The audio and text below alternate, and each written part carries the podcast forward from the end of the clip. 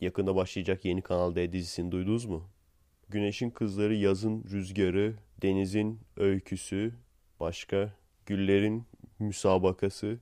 Bunlardan sonra yeni dizi Eşeğin Ziki. Eşek Bey'in bir malikanedeki aşk hayatını anlatıyor. Eşek Bey ya Özcan Deniz ya Berdan Mardini oynayacakmış. Eşek Bey holding sahibi olan zengin, başarılı ve aynı zamanda da bir köy ağası. Tabi bütün köy ağaları gibi kızlar buna hayran ve dizinin geçtiği dünyada Eşek Bey gibi adamlar yakışıklı sayılıyor. O yüzden böyle entel kadınlar falan Eşek Bey'in karşısında sıraya giriyor. Eşek Bey de hepsini sıradan geçiriyor. Tabi rütük standartlarına uygun olarak. Böyle işte sırayla kadınlarla dekolte kısmına kadar soyunup ondan sonra yorganın altına giriyor. o kadar yani. Ve sonra bu kızlardan bir tanesine aşık oluyor. Ona diyor ki bak diyor senden önce bir sürü kızı sıradan geçirdim. Ama artık yaşım geldi. O yüzden sende karar kıldım. Daha sonra ilerleyen bölümlerde biraz uzasın diye Eşek Bey bu kızı aldatıyor. Sonra bu kız buna küsüyor. Küsüp ondan sonra normal bir insanla çıkmaya başlıyor. Sonra dizinin sonuna doğru Eşek Bey diyor ki gerçekten diyor pişmanım aldattığıma. Ve gerçekten pişman olduğunu kanıtlamak için bir eşek yükü gül hediye ediyor. Ve eşeğin başı kadar da tek taş yüzük. Bunları görünce Naz Ada, ana kızın adı da Naz Ada. Naz Ada da eski sevgilisini siktir edip ortada hiçbir şey yokken siktir git deyip böyle Eşek Bey'e varıyor ve mutlu son. Eşek Bey için. Merhaba arkadaşlar. Nasılsınız? Keyifler nasıl? Kendinize iyi bakın arkadaşlar. Merhaba arkadaşlar. Nasılsınız? Keyifler nasıl? Her zamanki gibi çok zor başladım podcast'te. Neden bilmiyorum. Hala alışamadım. Çok uzun bir işmiş gibi geliyor. Ama aslında sadece başlaması. Nasıl başlasam ya, neyle başlasam ya falan diye böyle düşünüp duruyorsun. Ama başladıktan sonra freestyle yardırıyoruz. Yani başladıktan sonra abi ya ne zaman bitecek biraz daha zorlayayım kendimi dediğim olmuyor. Tam tersi kendimi frenliyorum. Hazır Aikido iptal oldu. Bugün hem kaydı halledeyim hem de montajı gecede yüklemeye çalışırım. Böylece en azından diğer günler, diğer videolara vakit ayırırız. Sabah bir haber gördüm. Ölen bir PKK'lıyı boynundan bağlayıp araçla sürüklemişler diye. Bu tür olaylarda olayın iç yüzünü bulmak gerçekten çok zor. Tarafsız diye bir gazete var mı çünkü? Tarafsız diye bir gazete yok yani. Bazı gazetenin adı direkt taraf zaten. Ve yine bu tür olaylarda bunu mesela Google'da arattığınız zaman direkt hangi gazetenin neci olduğu çok net ortaya çıkıyor. Hani bazı gazeteyi anlamayabilirsiniz. Yandaş mı, muhalif mi, bölücülerden mi anlamayabilirsiniz. Bu tür haberler. Çünkü herkes çok rahat bir şekilde kendi tarafına çekebiliyor. Bu konu hakkında çok konuşmayacağım. Gerçekten bir sürü şey hazırlamıştım. Dinle ilgili bir sürü konu var gene. Film, bilim, komik bazı konular var. Bunlarla ilgili konuşacaktım. Onlara da geliriz, onlara da sıra gelir. Burada zaten dediğim gibi bundan önce söylediklerimi tekrarlamayacağım. Seyirciler de zaten artık bizim kafadan seyirci olduğu için bilen biliyor. Sadece bir kafa karışıklığı olmuş seyircilerimin arasında. Diğerlerini bilmiyorum. Diğerleri çok umurumda değil. Bu olayı neden yaptıkları ile ilgili. Genel olarak şu deniyor. Bu standart prosedür. Bir terör örgütü üyesi ceset olduğu zaman iple bağlanıp sürükleniyor uzaktan. Çünkü hareket sensörlü bomba koyuyorlar deniyor. Ölülerin tuzaklandığını daha önceden duymuştum sanırım. Esas şeyi biliyorum. Bu kullanılmış yemek konservelerini ve hatta bazen kullanılmamışları, daha doğrusu kullanılmamış görünümü olan konserveleri. Bunların içine de hareket sensörlü patlayıcı koyuyorlar. Yani bunun olduğunu biliyorum. Bize komutan anlatıyordu. Yolda başıboş bir işte konserve falan gördüğünüz zaman sakın tekmelemeyin. Bunları anlatıyordu. O sırada bizim bir böyle terör tehlikemiz yoktu. Güvendeydik. Ama şimdi görüyorum. Benim askerlik yaptığım yerlerde teröristler oralara da saldırı düzenlemişler. Pozantı mesela bize yakındı. Biz İmamoğlu'ndaydık. Hatta Acemiliği merkezde yapmıştık. Merkezde yani Kura'da, Pozantı'da vardı. Şu an %100 eminim ki oralarda her yerde millet diken üstündedir. Evet kötü propaganda. Şimdi büyük ihtimalle onu da gösterecekler. Diyecekler ki işte öyle demişler zaten. Yani görüyorsunuz net. Gazetenin sitenin neci olduğunu görüyorsunuz.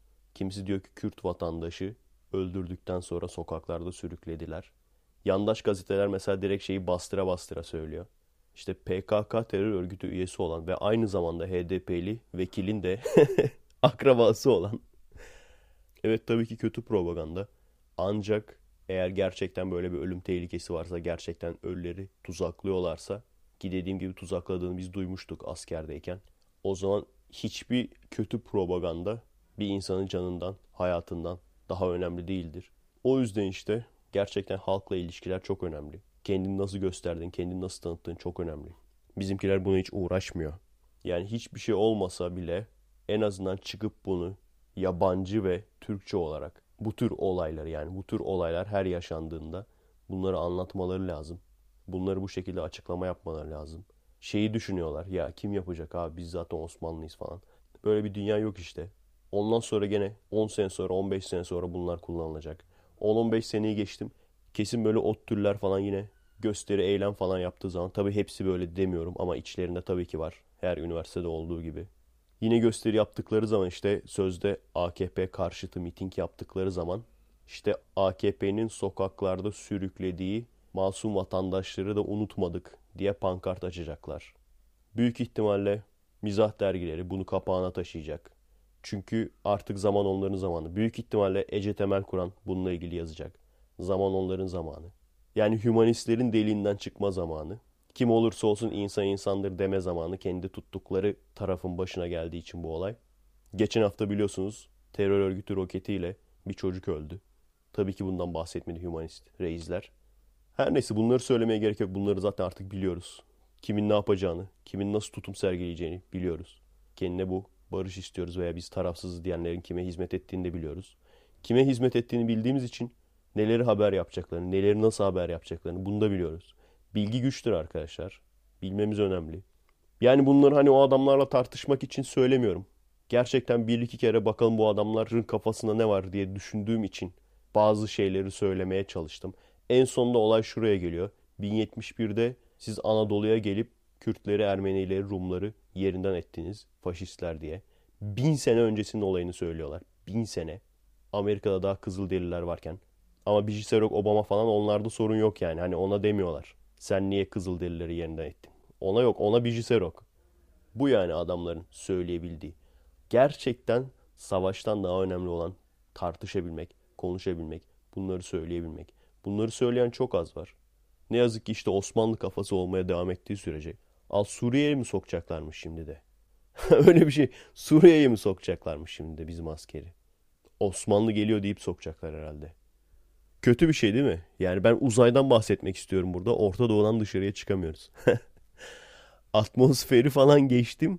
Orta Doğu'dan daha dışarıya çıkamıyoruz. Ne uzayı. Ve bunun haricinde gerçekten millete ibret olsun diye iple sürüklenmiş olabilirdi. Veya oradaki adam cinnet geçirip böyle bir şey yapmış olabilirdi. Bunlar da mümkün. Ama şu anda bunlar değil gözüküyor. Eğer bunlar olduğu kanıtlanırsa veya bunlar olduğu ortaya çıkarsa onunla ilgili de ayrıca konuşuruz. Çünkü onunla ilgili de konuşacak çok şey var. Yani bu gerçekten insanların orada cinnet geçirme potansiyeli de var. Bunların hikayelerini çok duyduk.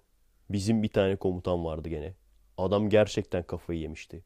Yani o adamı psikolojik tedaviye sokman lazım ve masa başı falan bir iş vermen lazım. Zaten gerçi bizim orası ona masa başı gibi geliyordur. Ama adama sadece sakinleştirici hap yazmışlar. O kadar. Yani o adam gerçekten bir gün sinirlenip çıkıp birisinde vurabilir yani. Eğer o şekilde devam ederse. Yani o arbede kavga psikolojisi çok değişik bir şey. Diyorum ya bizim orası çok güvenliydi. Ama bazen ufak da olsa olaylar çıkardı. Mesela 20'ye 20 sülale kavgası vardı bir kere. O kavganın içine girmiştik adamları ayırmak için. Tabii biz yeni olduğumuz için biz ayırmaya çalışıyoruz. Eski askerler direkt ikisine birden daldı abi. Yakaladıklarını içeriye aldılar Kodes'e. Orada bile çok basit bir şekilde insan kendini kaybedebiliyor. Ki daha yani işin içine silahlar falan girmedi. Sağından soldan bir de merminin geçtiğini düşün. Yani bizde en fazla orada, oradaki olayda yani bir kişi havaya ateş etti. O da zaten manevra fişeği. Caydırıcı olsun diye yani. Kaza olmaması açısından. İşte olay bu. Böyle uzaktan, rahat evlerimizden, izole bir şekilde. Anca bu kadar konuşabiliriz. Bu arada mesela Bunu ben söylemekten çekinmiyorum. Biz izoleyiz. Bu tür olaylardan kendimizi izole edebilmiş durumdayız. En fazla yolda sokakta görüyoruz. Bazen işte bu çatışmanın yakınından geçmek durumunda kalıyoruz. Ama o kadar yani. Bunu tabii ki normalde söylediğin zaman hemen çıkıp Aa, sen tabii uzaktasın konuşursun diye. İyi abicim göt kardeşim ben senin nerede olduğunu da biliyorum. Sen sanki elinde molotofla polisle çatışan veya elinde taşla askerle çatışan bir adamsın. Bunu Gezi'de çok gördük. Bir şey söylüyorum. Sen tabii sokakta değilsin. Herkes sokak çocuğu oldu biliyor musun? Faydası bu oldu herhalde. Herkes thug life oldu abi.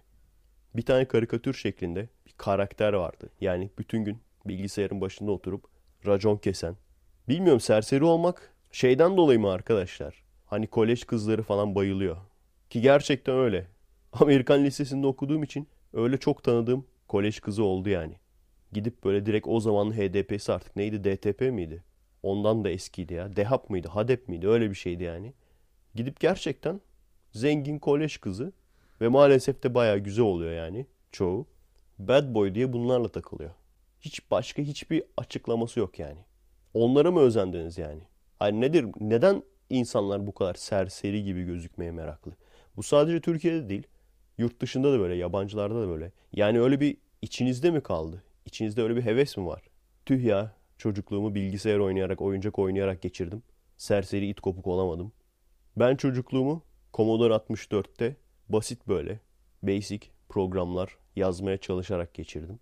Mahallede de en çok dayağı ben yerdim, o ayrı mesele. Hala da en çok dayağı ben yiyorum. Bu sefer dava dayağı. Dayağın adı dava oldu bu sefer. Sadece o değişti yani. Dayak yemek yerine dava açılıyor. Ama gene değişmeyen. Herkes söyleniyor bir sıkıntı bir durum karşısında. Ben çıkıp söylüyorum. Ondan sonra ne oluyor? Sadece Efe konuşuyor oluyor. Sadece Efe rahatsız bu durumdan. Sadece bir kişi rahatsız bu durumda oluyor. Kafamda karikatür bir tip oluştu demiştim ya. Aslında biz hani dalga geçmek için abartarak söylüyoruz bunu ama hani şey falan diyoruz böyle. Gerçek adı Alican Pıtır. Facebook'taki adı Ahmet Rojda. Ama ben böyle karikatür gibi adamı birebir gördüm. Bak hiç abartı değil. Eski podcast serimde anlattım galiba bunu.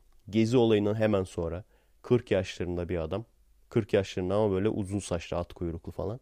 Yanında da 20 yaşlarında çıtır bir kız var. Artık orada mı tanıştılar yoksa şeydir aynı derneğe gidiyorlardır büyük ihtimalle. Özgürlük ve Hümanizmden Ölüyorum. Hümanizmden Ciğeri Solma Derneği. HCSD. Hümanizmden Ciğeri Solma Derneği. Adam cep telefonunu çıkardı. Kıza fotoğraf gösteriyor tamam mı? Bir iki tane. Ondan sonra da adam şey dedi. Sana dedi Face'teki çatışma fotoğraflarımı göstereyim mi? Ama bak bu şimdi karikatür falan değil. Bu gerçek yani. Hani abartı falan değil. Bu gerçek. Her neyse. Yani kendinizi delikanlı, kendinizi sert erkek, kendinizi sokak çocuğu, serseri, it, kopuk olarak göstermek istiyorsanız gösterin. Ama buraya gelmeyin işte onunla. Bize gelmeyin yani. Evet neyse arkadaşlar geçelim. Aranızda yeni sünnet olan var mı arkadaşlar? Birkaç gün önce arkamda düğün vardı. O düğünü siz mi yaptırdınız? Ulan burada da düğün salonu kanasını satayım. Okulda mı yaptılar acaba? Okulda düğün yapılıyor mu? Veya okulda bir eğlence mi ama eğlencesi neyin eğlencesi ama gerçekten düğün gibiydi yani müzikler falan. Umarım burada da düğün yapmaya başlamazlar. Abi düşünsene ya bak ne kadar farklı dünyalardınız. Aynı ülkede yaşıyoruz. Hatta aynı şehirde yaşıyoruz ama ne kadar farklı dünyalardınız. Yani aynı şehirdeyiz ama farklı gezegenlerdeyiz. Üzerine para vererek o kadar kötü şarkı söyleyen bir adama program yaptırmak düğününde. Benim sünnetimde yapmışlardı. Benim sünnetimdeki adam bile o kadar kötü değildi gerçi. Düğünümde artık kontrol bende olduğu için oda nikah yaptım geçtim. Eğer normal nikah yapsaydık da kesinlikle böyle bir saçmalık yapmazdım yani. Ya bir tek bir tek ben mi görüyorum acaba bunu arkadaşlar? Ne kadar kötü müzikle hiçbir alakası olmayan bir adam. Notaları bile bilmeyen bir adam söylüyor. Yani tamam eyvallah. Ünlü bir şarkıcı değil. Ama sonuçta adamın mesleği bu yani. Doğuyu, re'yi falan bilmesi lazım. Yani şey çıkıyor. Kime göre sanat? Belki bize göre... Hayır abi. Do do'dur işte re re'dir. O sana göre başka bir şey değildir yani re. Veya bir notayı duyduğun zaman bana göre do sana göre re değildir yani. Tabi cevabı biliyorsunuzdur. Adamlar hani sağlam içiyorlar. O kadar sağlam içiyorlar ki o müzik normal geliyor. İçkinin zararlı işte arkadaşlar. Bir daha olursa trolleyeceğim. İçkileri böyle alkolsüz içkilerle değiştireceğim falan. Bir fark edecekler. Düşünsene müzik nasıl kulaklarını tırmalar. Veya bir günde diyeceğim abi sen gel. Şimdi aynı düğünü bizim evden sana dinleteyim. Kafayı çekmek yasak ama. Ayık kafaya bir dinle bakalım şu müziği. Hepsi iyi güzel de işte buna alan memnun satan memnun diyemiyorsun. Çünkü ortamda biz de oluyoruz. biz de mi içelim ne yapalım abi? O saatten sonra içki almak da yasak. Ne yapacağız? Trollemek için ezan sesi vereceksin abi ve bitmeyecek böyle. Loop'a alacaksın ezan sesini. Hoparlörlere vereceksin tamam mı? Ezan sesi olduğu zaman şarkı çalamıyorlar ya. içki falan da içemiyorlar. İçerlerse eğer veya şarkı çalarsa da kameraya alacaksın. Tamam Tam o anı. Ondan sonra da STB'ye falan vereceksin böyle. Nasıl fikir? Uygulanabilir aslında arkadaşlar. Sizi çok böyle rahatsız eden bir düğün salonu varsa ya gerçekten verin ezan sesini ya da direkt çekin adamları. Arkaya da montajlı bir ezan sesi koyarsınız. direkt kapanır abi. Ertesi gün taşlarlar zaten orayı. Yapmayın tabii. Ondan sonra yaparsınız yakalanırsınız. Sonra Efe Aydal söyledi yap bana diye. Sonra benim başımı da yakarsınız. ben yapmayın diyorum. Yaparsınız kendi riskiniz. Evet, Türkiye'deki acayipliklerden. Hatırlıyor musunuz arkadaşlar? Sanırım Efeket sıfırdaydı. Gene böyle bir yerlerde ama o zaman şeydeydi. Sokak gibi bir yerdeydi. Gene böyle davul zurna çalıyorlardı falan. Ben de demiştim ki bu pipi kesme müziğinden kurtulacağım artık. Ara ara Amerika'da da gece böyle müzik çalıyorlardı. Demek ki abi ondan kurtulamıyormuşuz. Amerika'da, Türkiye'de, Romanya'da. Üç tane yerde bulundum. Ortak özellik biliyor musunuz? Yani üç yerde de olan ortak bir şey söyledesiniz direkt bu. Gece mutlaka birileri kafayı çekip bağırta bağırta müzik çalıyor. Veya bağıra bağıra konuşuyor. Yani uyutmuyor seni. Demek ki saygısız insan değişmiyormuş abi ülke ülke. Farklara, benzerliklere geldik gene ya. Söylemeyi hep unuttum farklardan. iki tane daha aklıma gelmişti. Unutuyordum söylemeyi. Bir tanesi abi şu fiyat konusu. Şimdi girdiğin zaman bir şey alacaksın fiyatını soruyorsun tamam mı? Normalde abi fiyatı ne ise o söylenir. Burada neredeyse tabii yine büyük marketler hariç. O yüzden büyük marketlere gidiyorum ya. Küçük gene böyle hırdavatçı veya halıcı veya perdeci veya herhangi bir şey veya mobilyacı fiyatını sorduğun zaman önce fazla söylüyor ondan sonra da ama yardımcı oluruz diyor. Şeyden mi kaynaklanıyor? Türk insanının pazarlık hevesi yani normal fiyat söylerse abi 5 lira indir falan diyeceği için mi? Ona karşı herhalde bir koruma kalkanı, bir tampon bölge oluşturuyor orada. Abi bu ne kadar? 175 ama yardımcı oluruz. Yardımcı olunmuşunu söylesen bana. Gittiğim zaman direkt öyle soracağım. Abi bunun yardımcı olunmuşu ne kadar? Halı alacağım abi. Yardımcı olursanız ne kadar oluyor? Ne yardımcı? Taşımaya mı? yardımcı olursak ekstra 20 lira alıyoruz. Eve kadar taşıyoruz. Bir bu. İkincisi de yine görmediğim, en azından benim karşılaşmadığım yani bir olay. Gene abi küçük işletmelerde olan bir şey. Girdiğin zaman abi mekana adam telefonla konuşuyorsa seni hiç siklemiyor. Ve böyle iş falan değil görüyorsun yani. Adam çoluk çocuk nasıl abi şu nasıl bu nasıl muhabbet ediyor tamam mı? Muhabbetini bitmesini beklemek zorundasın abi. Müşteri geldi falan kesinlikle yok yani. Muhabbetinin bitmesini beklemek zorundasın. SCP esnaf. Paranormal. Diyorduk ya müşteri gelince aşırı agresifleşir bazı esnaflar falan. Paranormal özellikleri. Standart bir esnafa benzer ama paranormal özellikleri müşteri içeriye girdiği zaman ortaya çıkar. Bir paranormal özelliği de abi bu kadar çok müşteriyi kaçırmasına rağmen nasıl hayatta kalıyor? Adam büyük ihtimalle şey hayalet gibi bir şey abi yemiyor içmiyor. Orada duruyor sadece. Aslında yüzyıllar önce o mekanda böyle tavan çökmüş o böyle altında kalmış. Yarım kalan bir iş olduğu için işletmeyi büyütmek istiyormuş. Amacı oymuş. İşletmeyi büyütemeden ölmüş. O yüzden de aslında hayaleti hep orada geziyor. Al sana korku filmi. konusu. Korku filmi yönetmeni videosunu beğenmiş arkadaşlar. En kısa video olduğu için ilk onu yükledim. Isınma olarak 3 tane video çektik. En kısası buydu. Diğerlerinin daha çok sahnesi var. Aslında 4'e 5'e kadar da çıkabilirdik video olarak. Ama orada karar verdim. Dedim ki bu kadar da çok yığmak yerine videoları 3 tane olsun ama 3'ü de güzel olsun. Sahneleri falan dolu olsun dedim yani.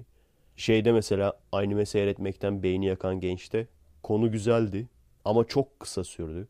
Şimdi diyorum ki keşke sadece ona verseydik o çekim kampını veya iki tane falan bir şey çekseydik ama daha konuları uzatsaydık. Çünkü iyi yapılacak daha çok şey vardı. Şimdi gene ona benzer bir konu. Söylemeyeceğim ne olduğunu. Sürpriz olsun. Bu sefer biraz daha üstüne gittik konu yani hemen yarım bırakmadık. Bazı yeni çekim teknikleri denedik. Herhangi bir yerden görmedim ben bu tekniği. Kendim uydurdum. Kesin başka yerlerde de yapıyorlardır da ben görmedim yani. Tekerleği tekrardan icat etmiş gibi. Bu da şeyde aklıma geldi. Gece bir çekim yaptık. Şimdi bazı sahneler gerçekten doğaçlama daha güzel oluyor. Teker teker böyle sözleri yazıp da teker teker onları sözleri çekip birleştirmeye çalışmaktansa doğaçlama yapmak daha güzel, daha doğal oluyor. Bir tane öyle mesela torbacı sahnemiz vardı. Daha detaya girmeyeyim. işte bir dakikalık falan. Ama blok çekim. Doğal olması için doğaçlama yaptık. Ama tabii ki öyle olunca da hem konuşan adamları istediğin açıda yakalayamıyorsun. O yüzden daha amatör duruyor. Yani söz kimdeyse onun yüzünü yakalayamıyorsun. Hem bazen teklemeler oluyor. O teklemeler çok bariz oluyor blok çekim olduğu zaman. Veya bazen hata yapılabiliyor. Bir sürü sıkıntı var. Hani konuşan herkesin yüzü gözüksün ve doğaçlama olsun diyorsan çift kamera kullanıyorduk biz bir ara. Ama o da olmuyor. Neden? O da çok zor. O da çok büyük kısıtlama getiriyor. Çünkü bu sefer de mikrofonu nereye yerleştireceksin? Bir. ikincisi de kameralar mutlaka birbirini görüyor. Kameralar hareketli olduğu için. Ve mikrofonun da öyle bir yerde olması lazım ki iki kameranın da görememesi lazım. Bu da bir sıkıntı. O yüzden şöyle bir şey denedik. Bilmiyorum eğer böyle bir çekim tekniği kullanan varsa yazarsınız şunlar kullanıyor diye. Ben görmedim yani. herhangi birinden çalmadık yani onu diyorum. Hani biz icat etmemişizdir büyük ihtimalle de herhangi birinden çalmadık yani. Tuvalette aklıma geldi abi. o torbacı sahnesini tek sefer çektik çünkü sonradan aklıma geldi. Gece aklıma geldi hatta. Lan keşke böyle çekseydik diye. Ondan sonra işte ertesi günü bu korku filmi yönetmenini çektik. Bilmiyorum fark ettiniz mi? İki farklı açı var ama doğal duruyor. Hani biri konuşmuş kesti öteki konuştu kesti değil. Daha böyle sanki gerçekten olan doğaçlama giden bir olay gibi duruyor. Heh, şimdi geldik abi. Nasıl yaptık bunu? Aynı doğaçlama oyunu bir açıdan çektik. Ondan sonra yine aynı doğaçlama oyunu benim yüzüm görülecek şekilde ikinci açıdan çektik. İlk etapta zor gibi gözükebilir ama aslında gerçekten zor değil. Çünkü lafları falan birebir aynı söylemek zorunda değilsin. Hani aynı kelimeleri söylemek zorunda değilsin. Kabaca aynı şeyleri söylemen yeterli. İkincisi mikrofonu yerleştirmek sıkıntı olmuyor. Ayrı ayrı çekimler olduğu için. Üçüncüsü birisi teklediği zaman başa dönmek zorunda kalmıyorsun. Veya dili sürçtüğü zaman başa dönmek zorunda kalmıyorsun. Sadece orayı kesiyorsun diğer çekimi koyuyorsun onun yerine. Yani sonuç olarak o korku filmi yönetmeni videosuna bakacak olursanız o iki kamera değil ve parça parça söz de değil. O tamamen baştan sona aldık ve daha sonra da farklı bir açıdan baştan sona aldık ve beğendiğimiz yerlerde birbirine ekledik. Hatta insert görüntü de almıştık devamsızlık olabilir diye. Ama devamsızlık olmadı. Yani işte hani bir açıdan mesela adamın kolu yukarıdaysa öteki açıdan kolu aşağıda falan gözükebilir diye düşündük. Olmadı ama öyle bir sorun çıkmadı yani. İşte böyle. O yöntem gerçekten çok işimize yarayacak. Biz çünkü doğaçlama yapmayı seviyoruz. Böyle her şeyi de parça parça yapmak güzel olmuyor. Çekim de zaten zor oluyor ve doğal da olmuyor zaten. O yüzden doğaçlama yapacağımız zaman tek çekim, blok çekim yapacağımız zaman kesin bu yöntemi yapacağız yani. Bundan sonra tek açıdan blok çekim yapmayacağız. İki açı, üç açı istediğin kadar yaparsın. Üç açı mesela güzel olabilir. Birinde sıçarsan öbürünü alırsın. Öbüründe sıçarsan öbürünü alırsın. Ve gerçekten tek bir tane hani mükemmel oyun olsundan ziyade iyi oyun olsun ama üç kere çekelim farklı açılardan gerçekten daha kolay aslında çekmesi. Görüntü olarak da çok daha güzel olur. Üç farklı açı olur. Bundan sonra öyle yaparız büyük ihtimalle. Yani onu daha çok görürsünüz o tarz. Mesela bir tane daha gündüz çekim vardı. Gene bir tane daha öyle yaptık. Onu da söylerim zaten. Bir araba yıkama sahnesi vardı. Onu da gene aynı şekilde yaptık. Baştan sona bir açıdan. Ondan sonra da baştan sona başka bir açıdan aldık. Güzel oldu. Tabii şeyi de söylemeyi unuttum. Işık, reflektör bunlar da sorun oluyor. Çünkü birbirine aksi açılarda olduğu için bir yerde mesela ışıkta sorun olmuyor ama diğer tarafta adamın yüzünü reflektörle falan aydınlatmak da gerekiyor. Hem işte o ekstra reflektörü tutacak eleman sıkıntısı her zaman için var. İkincisi de gene o reflektör de kadraja giriyor.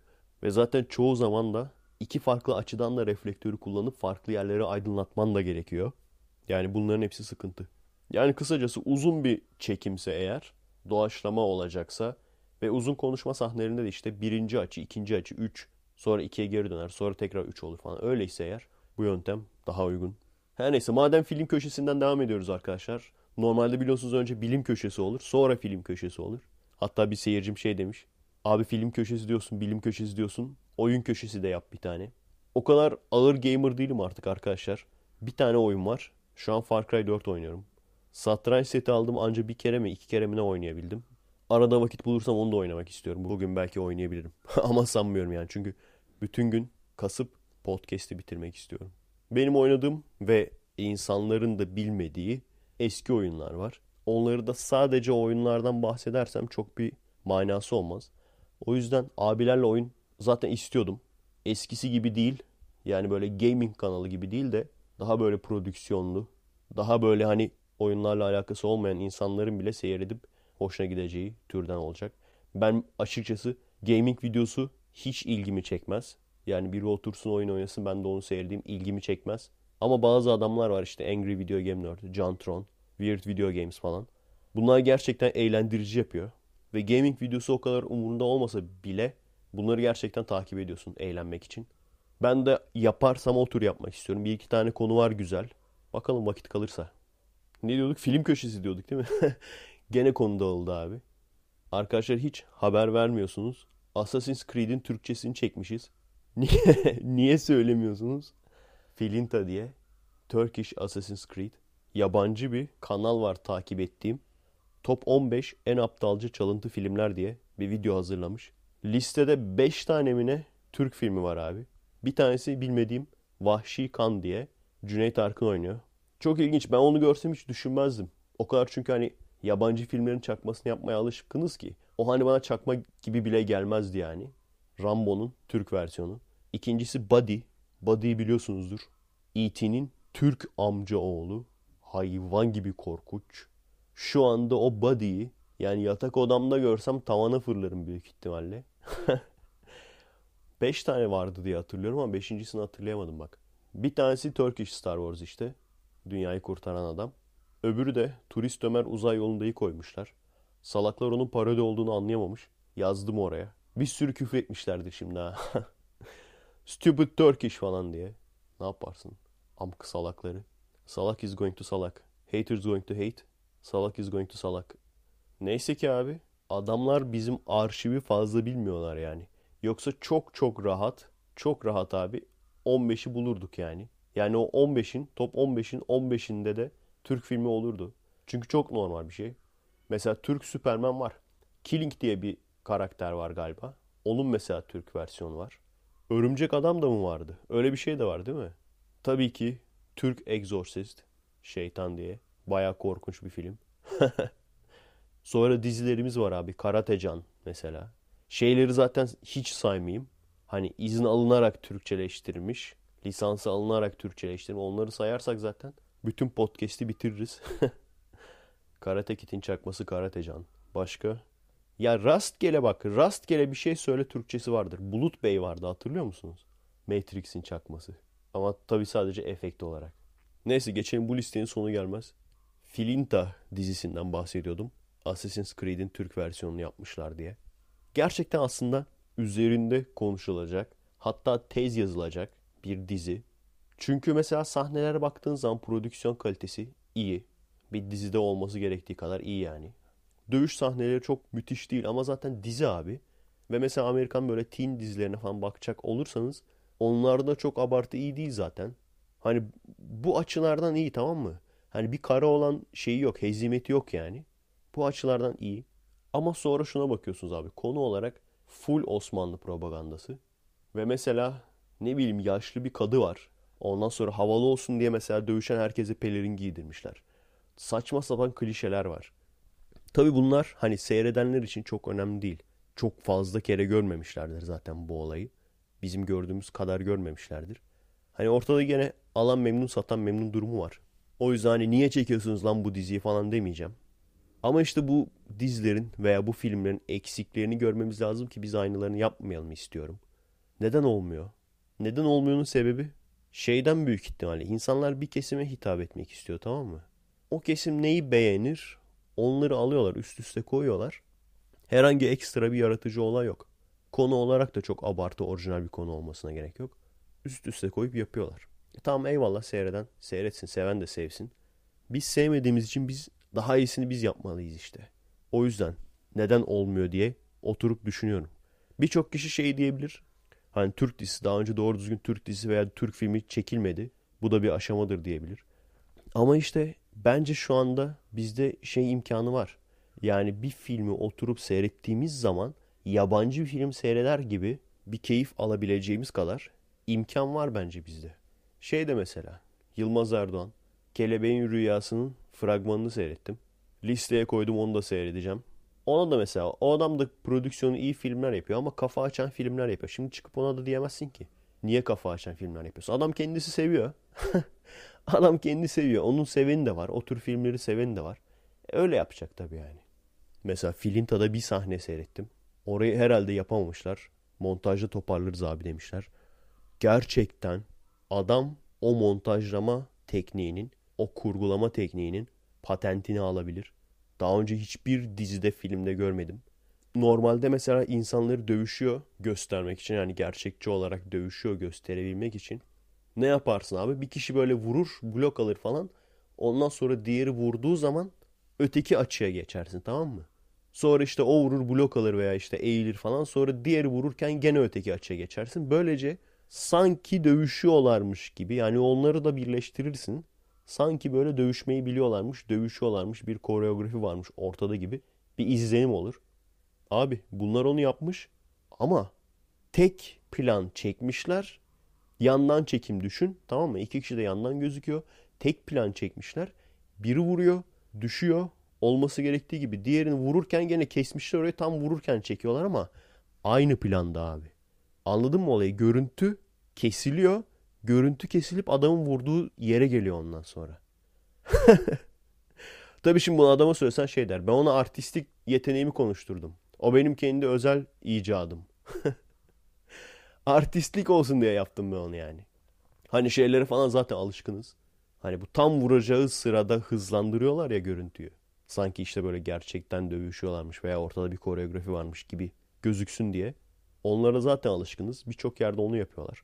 Gene yani dövüş sahneleri olarak çok aşırı kötü değil. Benim mesela hayalim profesyonel olursam yani profesyonel olursam demek şu. Bu işten gerçekten sağlam para yani o Patreon'dan falan değil de böyle çok sağlam bir sponsor keşfedecek tamam mı? Diyecek ki abi sen çok kral işler yapıyorsun. Al sana şu kadar yatırım para tamam mı?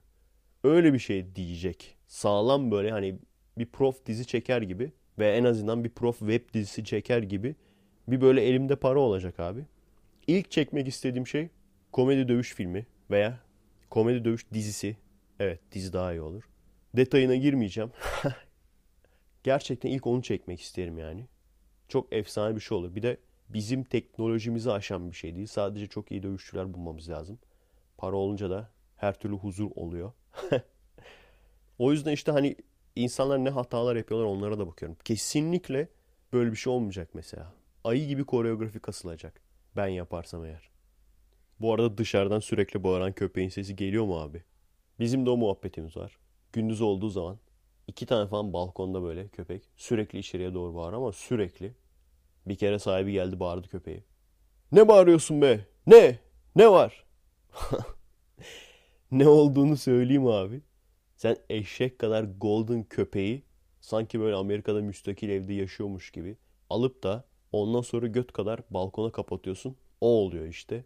Abicim bakamayacaksan alma diyeceğim de ona varana kadar bakamayacaksan yapma var bir de. bakamayacaksan çocuk yapma var. Hani onu dinletemiyoruz ki. Köpeği de mi acaba Allah rızkını verir falan diye. Allah kulübesini verir abi. Tabii ki ondan değil çünkü köpek neydi mundar hayvan mıydı? Menkur, menkul kıymetler. Çok menkul bir hayvan. Müfredat bir hayvan köpek. Köpeğe dokunduğun zaman abdestin kaçıyordu değil mi? Bazı mezheplerde mi öyleydi? Dikkat ettiniz mi arkadaşlar? Böyle çok dindar, muhafazakar tanıdıklarınız varsa tamamı köpek gördü mü hemen uzaklaşır böyle. Dokunmak bile istemez yani. Hani aslında tek bir mezhep için geçerli derler ama bilmiyorum her mezhepten tanıdığım vardı. Hiçbirisi de köpeğe yaklaşmıyor. Dokunmuyordu bile yani.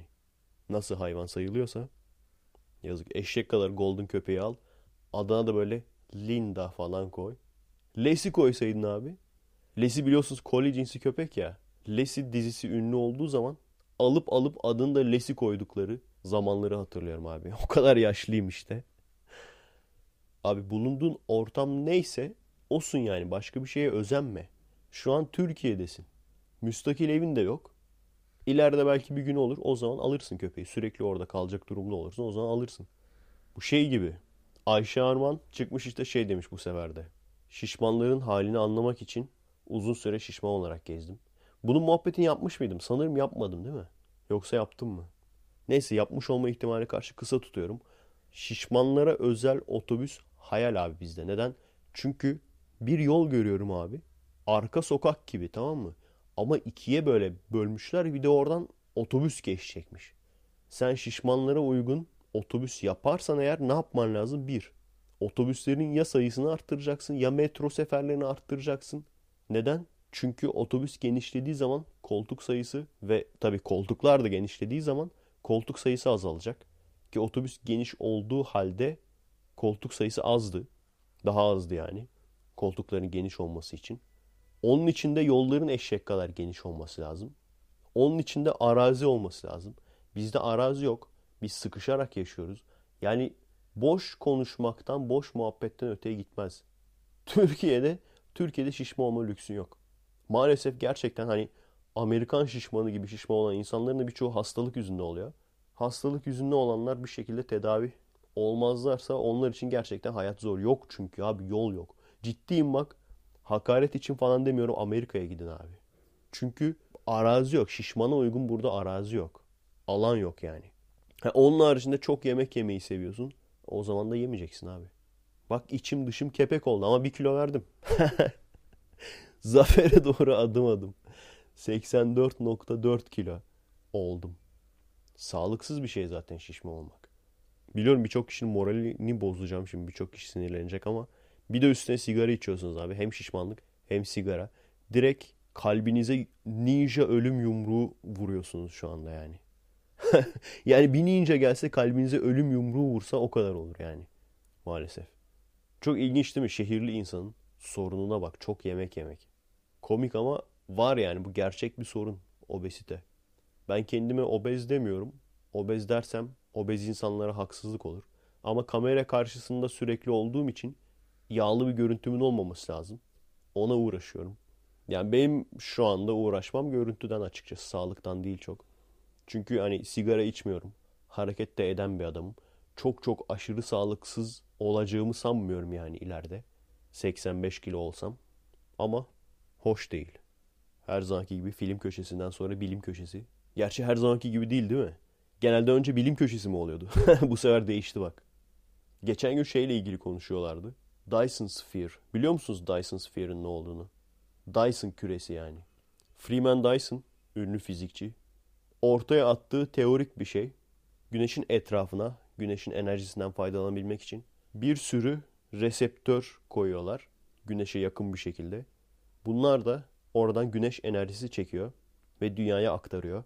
Neden? Çünkü dünya gerçekten çok çok çok küçük bir kısmını alıyor güneşten gelen ışının düşünecek olursanız. Yani şeyi düşünün. Şu kocaman küre şeklinde abajurlar olur ya.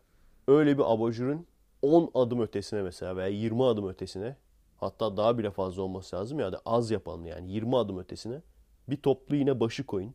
Sonra o abajuru yakın. Ne kadar azı o toplu iğne başına dokunur değil mi? O ışığın, fotonların. Birçoğu sağa sola gider. Gerçekten hani bunu hayata geçirebilirlerse gene dünyanın enerji ihtiyacı tamamen karşılanır. Başka hiçbir şeye ihtiyaç kalmaz. Ama şu an teori bile değil, hayal. şu an sadece hayal. Ama en azından şunu düşünüyorlar yani. Hani bizim için hayal olsa bile başka sistemlerde yaşayan canlılar için bir zorunluluk gibi bir şey yani kaçınılmaz bir şey. Çünkü onların da enerjiye ihtiyacı olacak ve gerçekten en verimli bir şekilde enerji alabileceğin yer yıldızın kendisidir. Freeman Dyson adı hatırlıyorsanız şeyden dolayı bu işte iman eden ünlü bilim adamları listesindedir. Bir de yaşıyor ya 90 küsür yaşında. ama hala hayatta, hala hayatta olan birkaç dindar bilim adamından bir tanesi. Dindar derken tabii ki Hristiyan. Çok zeki bir adam ama 1900'lerin başında doğmuş birisi. Orada doğup o kafada, o zihniyetin içinde biliyorsunuz o zamanlar yani o dönemde kadınlar eşit insan sayılmıyordu. Zenciler kesinlikle 50'lere kadar falan gitti sanırım. Zenci hakları. Bunlar eşit insan sayılmıyordu.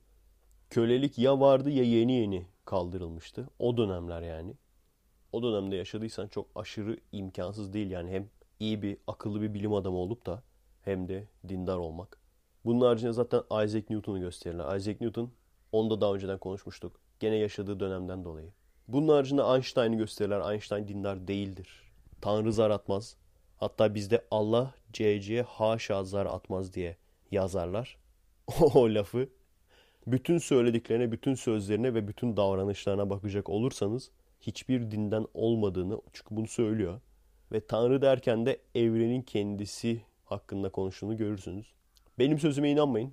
Gidin araştırın yani. Belki ben de şey diyenlerdenim. Onu aslında derken onu kastetmedi.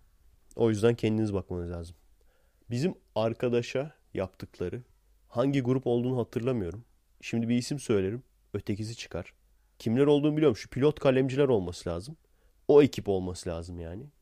Artık hepsi birbirine farklı. Nurcu, Fethullahçı, cemaatçi, tarikatçı. Kesin öyle bir şey vardır ha. Abi ben cemaatçi değilim, tarikatçıyım falan.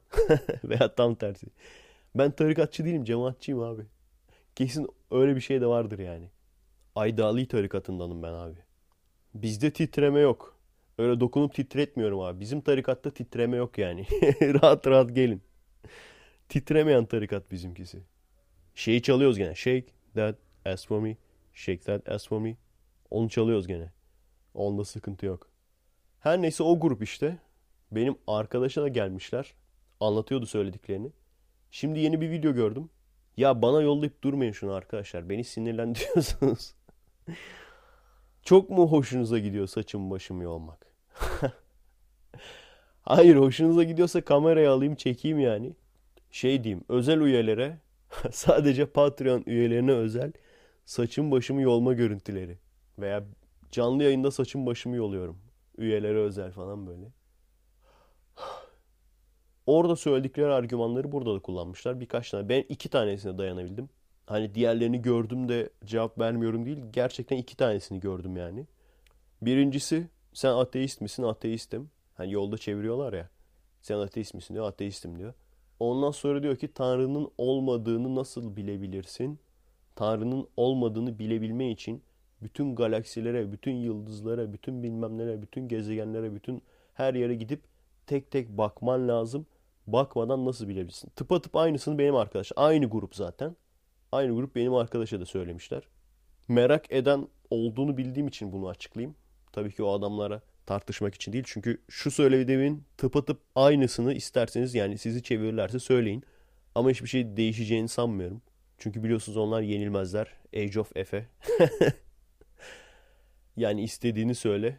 Tekrar başa resetleyip tekrar peki bütün bu güzellikler nasıl tesadüfen olabilir? Den tekrardan başlayabilirler. Her neyse. Birincisi en önemlisi ateist dendiği zaman bunu agnostiklerin de bilmesi lazım.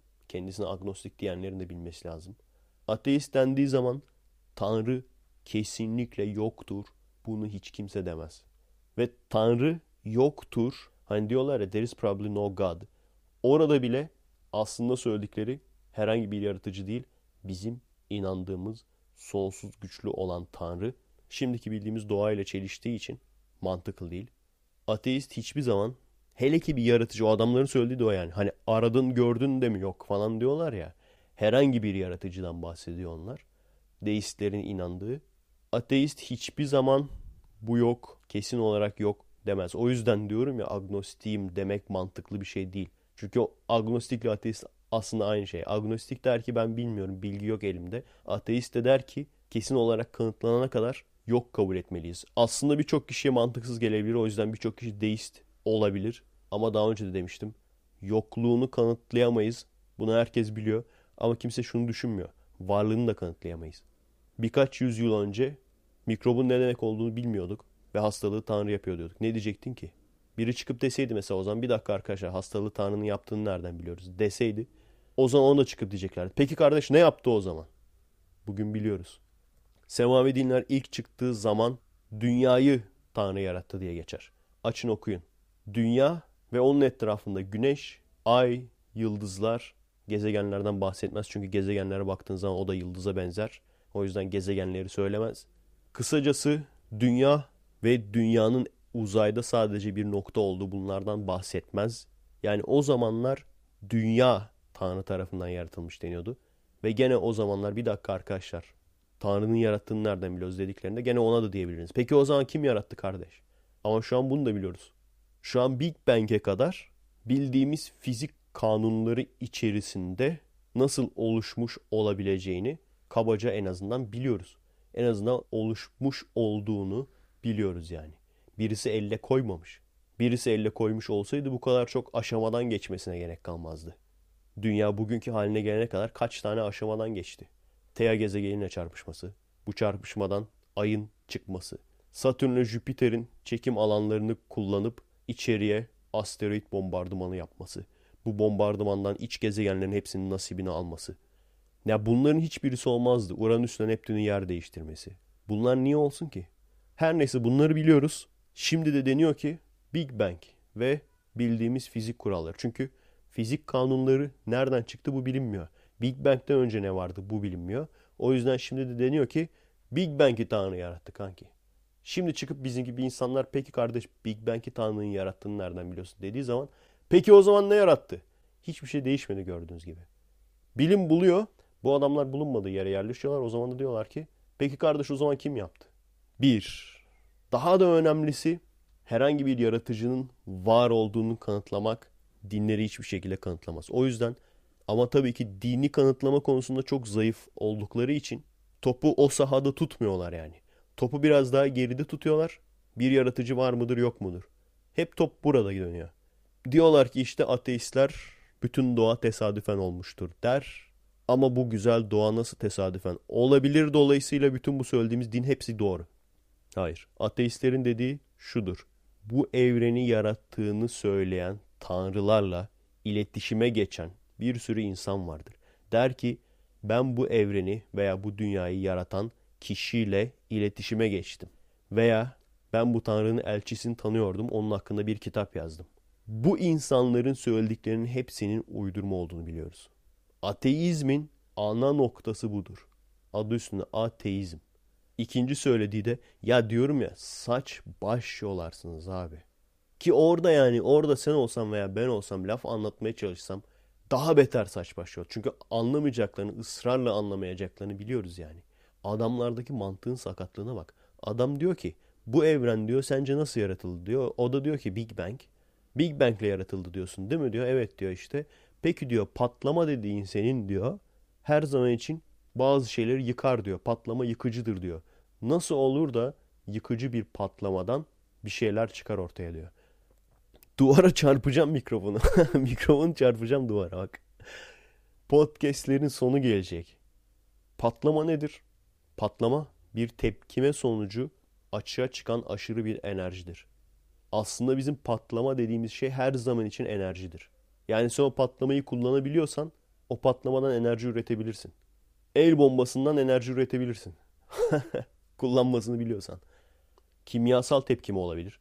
Nükleer tepkime olabilir. Sonuç itibariyle açığa aşırı derecede bir enerji salımı olur. Ve bu salınımdan dolayı ve sadece ısı enerjisi değil değil mi? Kinetik enerji de aynı zamanda. Ve tabii ki ses enerjisi de patlıyor çünkü pat diye patlıyor. Ve bu aşırı enerjiden dolayı zarar görür etraf. Dolayısıyla sen bunu bir uzay boşluğunda yaparsan bu patlama, bu aşırı enerji hiçbir şey yıkmaz. Tam tersi enerji maddeye dönüşür ve bildiğimiz evren ortaya çıkar bir. İkincisi de patlama her zaman için kötü bir şeydir. O zaman nasıl iyi bir şey oluyor öyle mi? Nükleer reaktörlerde ne yapılıyor sanıyorsun? Nükleer reaktörlerde füzyon yani bildiğimiz atom bombasının reaksiyonu kullanılıyor. Füzyona henüz gelemedik. Yani hidrojen bombası veya termonükleer bomba dedikleri füzyonu ve aynı zamanda da tabii güneşin çekirdeğinde de olan füzyondur hep bunlar. Fizyon yani parçalama, O şu anda eski tip atom bombalarında ve nükleer santrallerde kullanılan odur. Gördüğün gibi her zaman yıkıcı da değil. Keşke okumak bilseydin. Demek ki tek kitap sana yetmiyormuş. Böyle sözümü kimse kesemeden konuşabiliyorum ya. şey diyorlar mıdır acaba? Tabii karşında biz yokuz konuşursun. E tabii karşımda siz olsanız konuşturmazdınız çünkü beni. Başladım uzun uzun açıkladım ya şu patlama olayını. Yani o ikinci dakikada falan veya bir buçukuncu dakikada falan peki kardeş o zaman şunu açıkla diye girecektiniz değil mi? Yanlış mıyım abi? Girecektiniz değil mi? Girecektin kerata seni. Peki kardeş bu bulutlar neden düşmüyor aşağıya? Gerçeği bilmek neden önemli? Yani istediğin fikirlere gerçeği uydurmaktansa gerçeğin kendisini bilmek neden önemli? Çünkü gerçeği bilip ona göre hareket eden, gerçek bilimi bilip ona göre hareket eden toplumlar her zaman için daha üstü olacak. Hiçbir zaman o toplumlardan insanlar kaçıp kaçıp da öteki toplumlara sığınmacı olarak gitmeyecekler. Kesin buna atarlanacak olacaktır. Suriyelileri kastediyor kesin. Aslında spesifik olarak Suriyelileri kastetmiyordum. Genel olarak Orta Doğu'dan insanların kaçıp batılı ülkelere gitmesi. Ama Suriyelileri düşün. Evet o insanların biraz daha özel bir durumu var. Savaş. Ama şunu düşün. İlk baştan itibaren bu toplumlar, bu topluluklar biz de buna dahiliz. Biz o kadar kötü değiliz ama biz de buna dahiliz yani. Türkiye'de dahil. Kafasını çalıştırsaydı, kendini geliştirmekle uğraşsaydı birbirlerine düşeceklerine bu hale gelmezlerdi. Bu çok uzun bir süreç sonucu ortaya çıkan bir şey. Evet en sondaki olay onların suçu olmayabilir. Ama bu noktaya gelmeleri. Yani suç bizde arkadaşlar.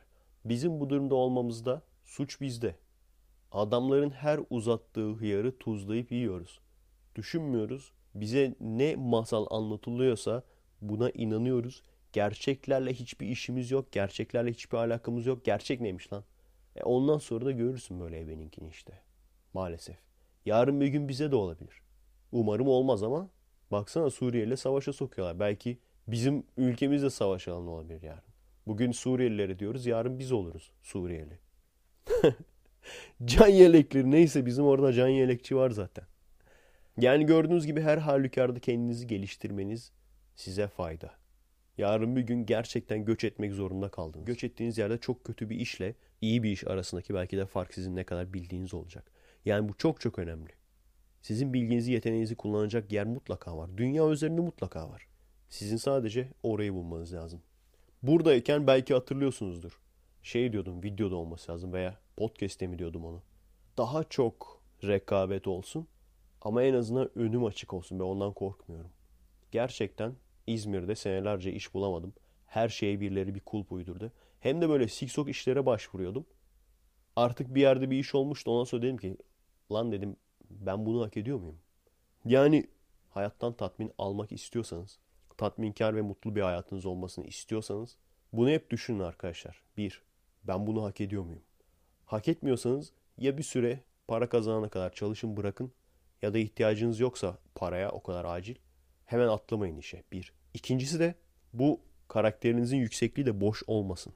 Yani ben abi en iyisini hak ediyorum deyip ama herhangi bir yeteneğe, beceriye veya çalışkanlığa sahip değilsen o zaman da sen kaybedersin. Kendini de bilmen lazım yani. Bu çok önemli. Sadece iş konusunda değil, eş konusunda da ya her konuda. Çünkü biliyorum abi bir noktada böyle hani çok sap kaldığınız zaman önüne gelene artık saldıracaksın değil mi? Önüne gelene ne bileyim çıkma teklif edeceksin. Veya çok sap kaldığın bir zamanındaysa kız diyecek benimle evlen falan. Böyle e, evet yani idare eder yoklukta gider. Çok da boşluktayım. Gidip onunla ondan sonra işte evlenirsen çok pişman olacaksın. Yapma işte bu hareketi. Yaşım geldi evlenmem lazım deyip de evlenme abi. Kafanda bir soru işareti varsa evlenme. Evlenip de sonradan lan evlenmeseydik dediğin zaman çok pişman olursun. Ama tam tersini yaparsan yani kafamda soru işareti vardı evlenmedim keşke evlenseydim dersen o kadar pişman olmazsın. Bana at suç abi. Efe, Efe abi evlenme dedi. Ondan evlenmedim dersin. Evlilik muhabbete nasıl geldik ya? Notlarımda bile yok yani bu. bu arada gene söylemeyi unuttuğum bir şey ya. Bazı şeyleri not alıyorum abi bunu söyleyeyim diye. Ondan sonra notlarda böyle arada kaynıyor. Geçen gün aşı olmaya gittim. Gene o vitrinde bir fotoğraf var. Gene onu gördüm. İlk gördüğüm zaman da çok dikkatimi çekmişti. Fark ettiniz mi arkadaşlar? Bir ertesi gün hapı reklamı var. Fark ettiniz mi onu? Ertesi gün hapı. Yani şeymiş. Korunmayınca ondan sonra ya bir şey olmaz kardeş falan. işte yok öyle bir dünya arkadaşlar bu arada. Hormonlarınıza yenik düşmeyin. Yok abi bir şey olmaz değil oluyor yani olur. Neyse ki benim başıma gelmedi. gelse söylerdim yani. Ben açık sözlü bir adamım. Böyle benim başıma gelse söylerdim. Bir arkadaşın başına geldi canım. Bir arkadaşın. Yani hastalık kapabilirsiniz. Farkında olmadan baba olabilirsiniz. Her şey olabilir abi. Bir şey olmaz demeyin o yüzden. Her neyse işte ertesi gün hapı dedikleri olay da lan ne yaptım ben falan deyip ertesi gün işte pişman olunca o haptan atıyor bayan. Erkek atmıyor tabii. Erkeğin atması artık bir işe yaramaz o saatten sonra. Bayan atıyor hapı ve hamile olmasını engelliyormuş. Çok böyle üstü kapalı söyledim de anlamayan var mıdır acaba? hani hamile diyene kadar çok üstü kapalı söyledim. Hani ha- sarhoştuk, gece ne yaptığımızı hatırlamıyoruz falan. Başka bir şey sanan var mı acaba? Ya o kadar safmış böyle. Ne dedi ya Efe? Efe Aydal bir şey dedi ama. Neymiş anlamadım. Ne yapmışlar? Koalisyon, koalisyon. Koalisyon yaptılar bütün gece. Her neyse onun fotoğrafını gördünüz mü? Ertesi gün hapının. Ne kadar muhteşem bir fotoğraf o. Bazı fotoğrafı görüyorsunuz. Arkadaş hatta fotoğrafçıydı çıldırıyordu yani böyle ayakkabı reklamlarında falan ama ünlü bir mankeni oynatmışlar. Böyle gözü kapalı çıkmış, tipi çirkin çıkmış. Bir kere şeyi gördük ya. Adriana Lima'yı gördük. İğrenç çirkin çıkmış. Nasıl becerdilerse.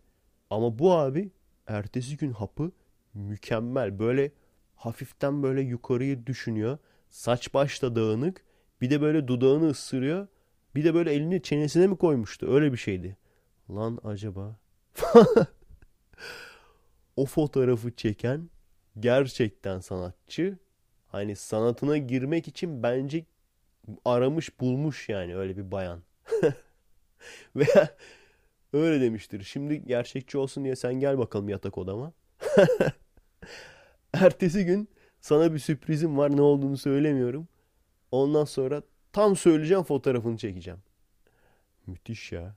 Saçının başının dağınık olmasına kadar. Yani saç baş dağılmış falan lan ne yaptım ben? Yüz ifadesi falan mükemmel böyle. Acaba hamile miyim falan. Dudağını ısırıp yukarı çapraza bakıyor. Ve iyi anlamda acaba hamile miyim değil yani. İyi bir acaba hamile miyim değil yani. Şimdi bütün bunları duyarsız gibi anlatıyorum böyle. Dalga geçer gibi.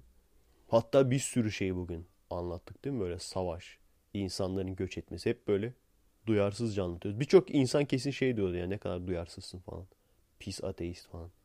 Arkadaşlar gerçekten yani duyarlıymışız gibi davranınca gerçekten aslında tedirginlik var. Ne oluyor dünyada falan. Ama duyarlıymışız gibi davranınca da bir şey değişmiyor ki. Ver abi bana eskiden ülkeyi ver diyordum ya. Diktatör olayım. Ver abi dünyayı bana. Ver tanrı yap beni.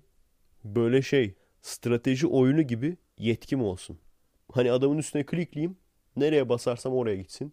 Sonra üstüne sağ mouse'a basınca menü çıksın falan şunu yap bunu yap diye.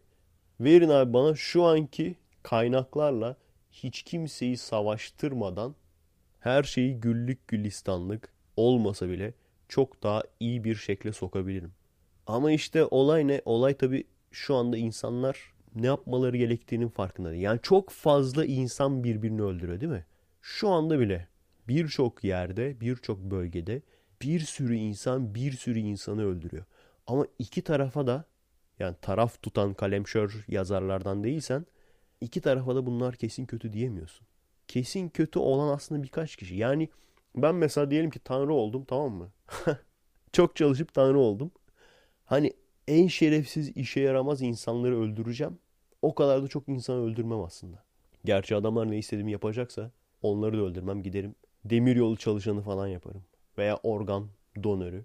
Çok az kişi arkadaşlar. Yani neyin ne olduğunu bilip sadece kendi biraz lüksleri olsun veya kendi israflarından dolayı enerji açlığı olduğu için veya israflarından dolayı daha fazla kaynağa ihtiyaçları olduğu için başka insanları böyle kışkırtan veya aşırı zengin hayatı hoşuna gittiği için bu hayattan vazgeçmemek için savaş çıkarmayı göze alan yani yapacakları işi belirleyeceksin, yapacakları çocukları belirleyeceksin.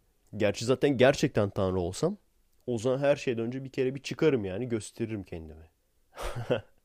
Anladın mı? Yani bir kişiye böyle göstereceğim.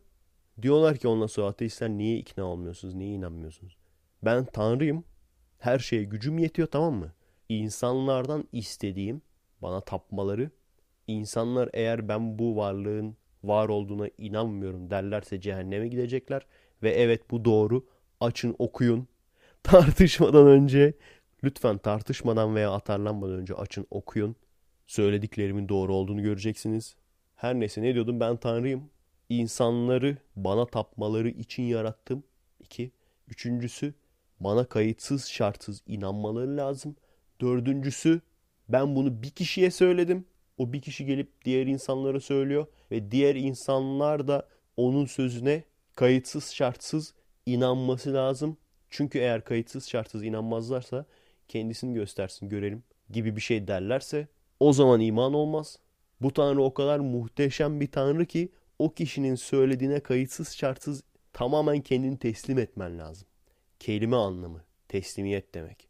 Tamamen kendini teslim etmen lazım.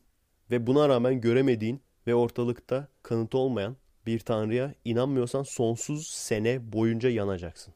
Bunların hepsi doğru. Şu anda mantıksız geliyor olabilir ama bu böyledir. Lütfen atarlanmadan önce okuyun. Ve tabii ki bundan önceki toplumlar mesela inanmamış diyecek bu kişi. Filanca peygamber filanca topluma gitmiş diye anlatacak. Onlar inanmamış ve o kavim komple sular altında kalmış. Sel altında kalmış. Başka bir peygamber başka bir kavime gitmiş. O kavim de inanmıyoruz demiş. Bu arada yaptıkları tek şey inanmıyoruz demek. Bizim kendi tanrımız var demek. Senin sözüne inanmıyoruz demek. Bunun karşılığında bir ses süzmesi gelmiş onların hepsini yok etmiş. Başka bir uyarıcı başka bir kavime gitmiş. Onlar inanmamış. Onların tepesine taş yağmış. Şimdi bunları anlatıyorsun ama ben bugün dünyada görüyorum ki ben bu dine inanmıyorum diyen kavimlerin tepesine hiçbir şey yağmıyor. Ama tabii yağsa inanç olmazdı değil mi? Veya kral çıplak. İkisinden birisi. Kendinize iyi bakın arkadaşlar. Haftaya görüşürüz. Adresimiz youtube.com bölü kommek, twitter.com bölü kommek. Destek olmak isteyen arkadaşlar için patreon.com bölü Efe Aydal. Destek olmak isteyen arkadaşlar adblocksuz seyretmeyi ve paylaşmayı unutmayalım. Bu da gerçekten bizim için önemli. Kendinize iyi bakın. 3, 2, 1, 0, eksi 1. Merhaba arkadaşlar. Nasılsınız? Keyifler nasıl? Kendinize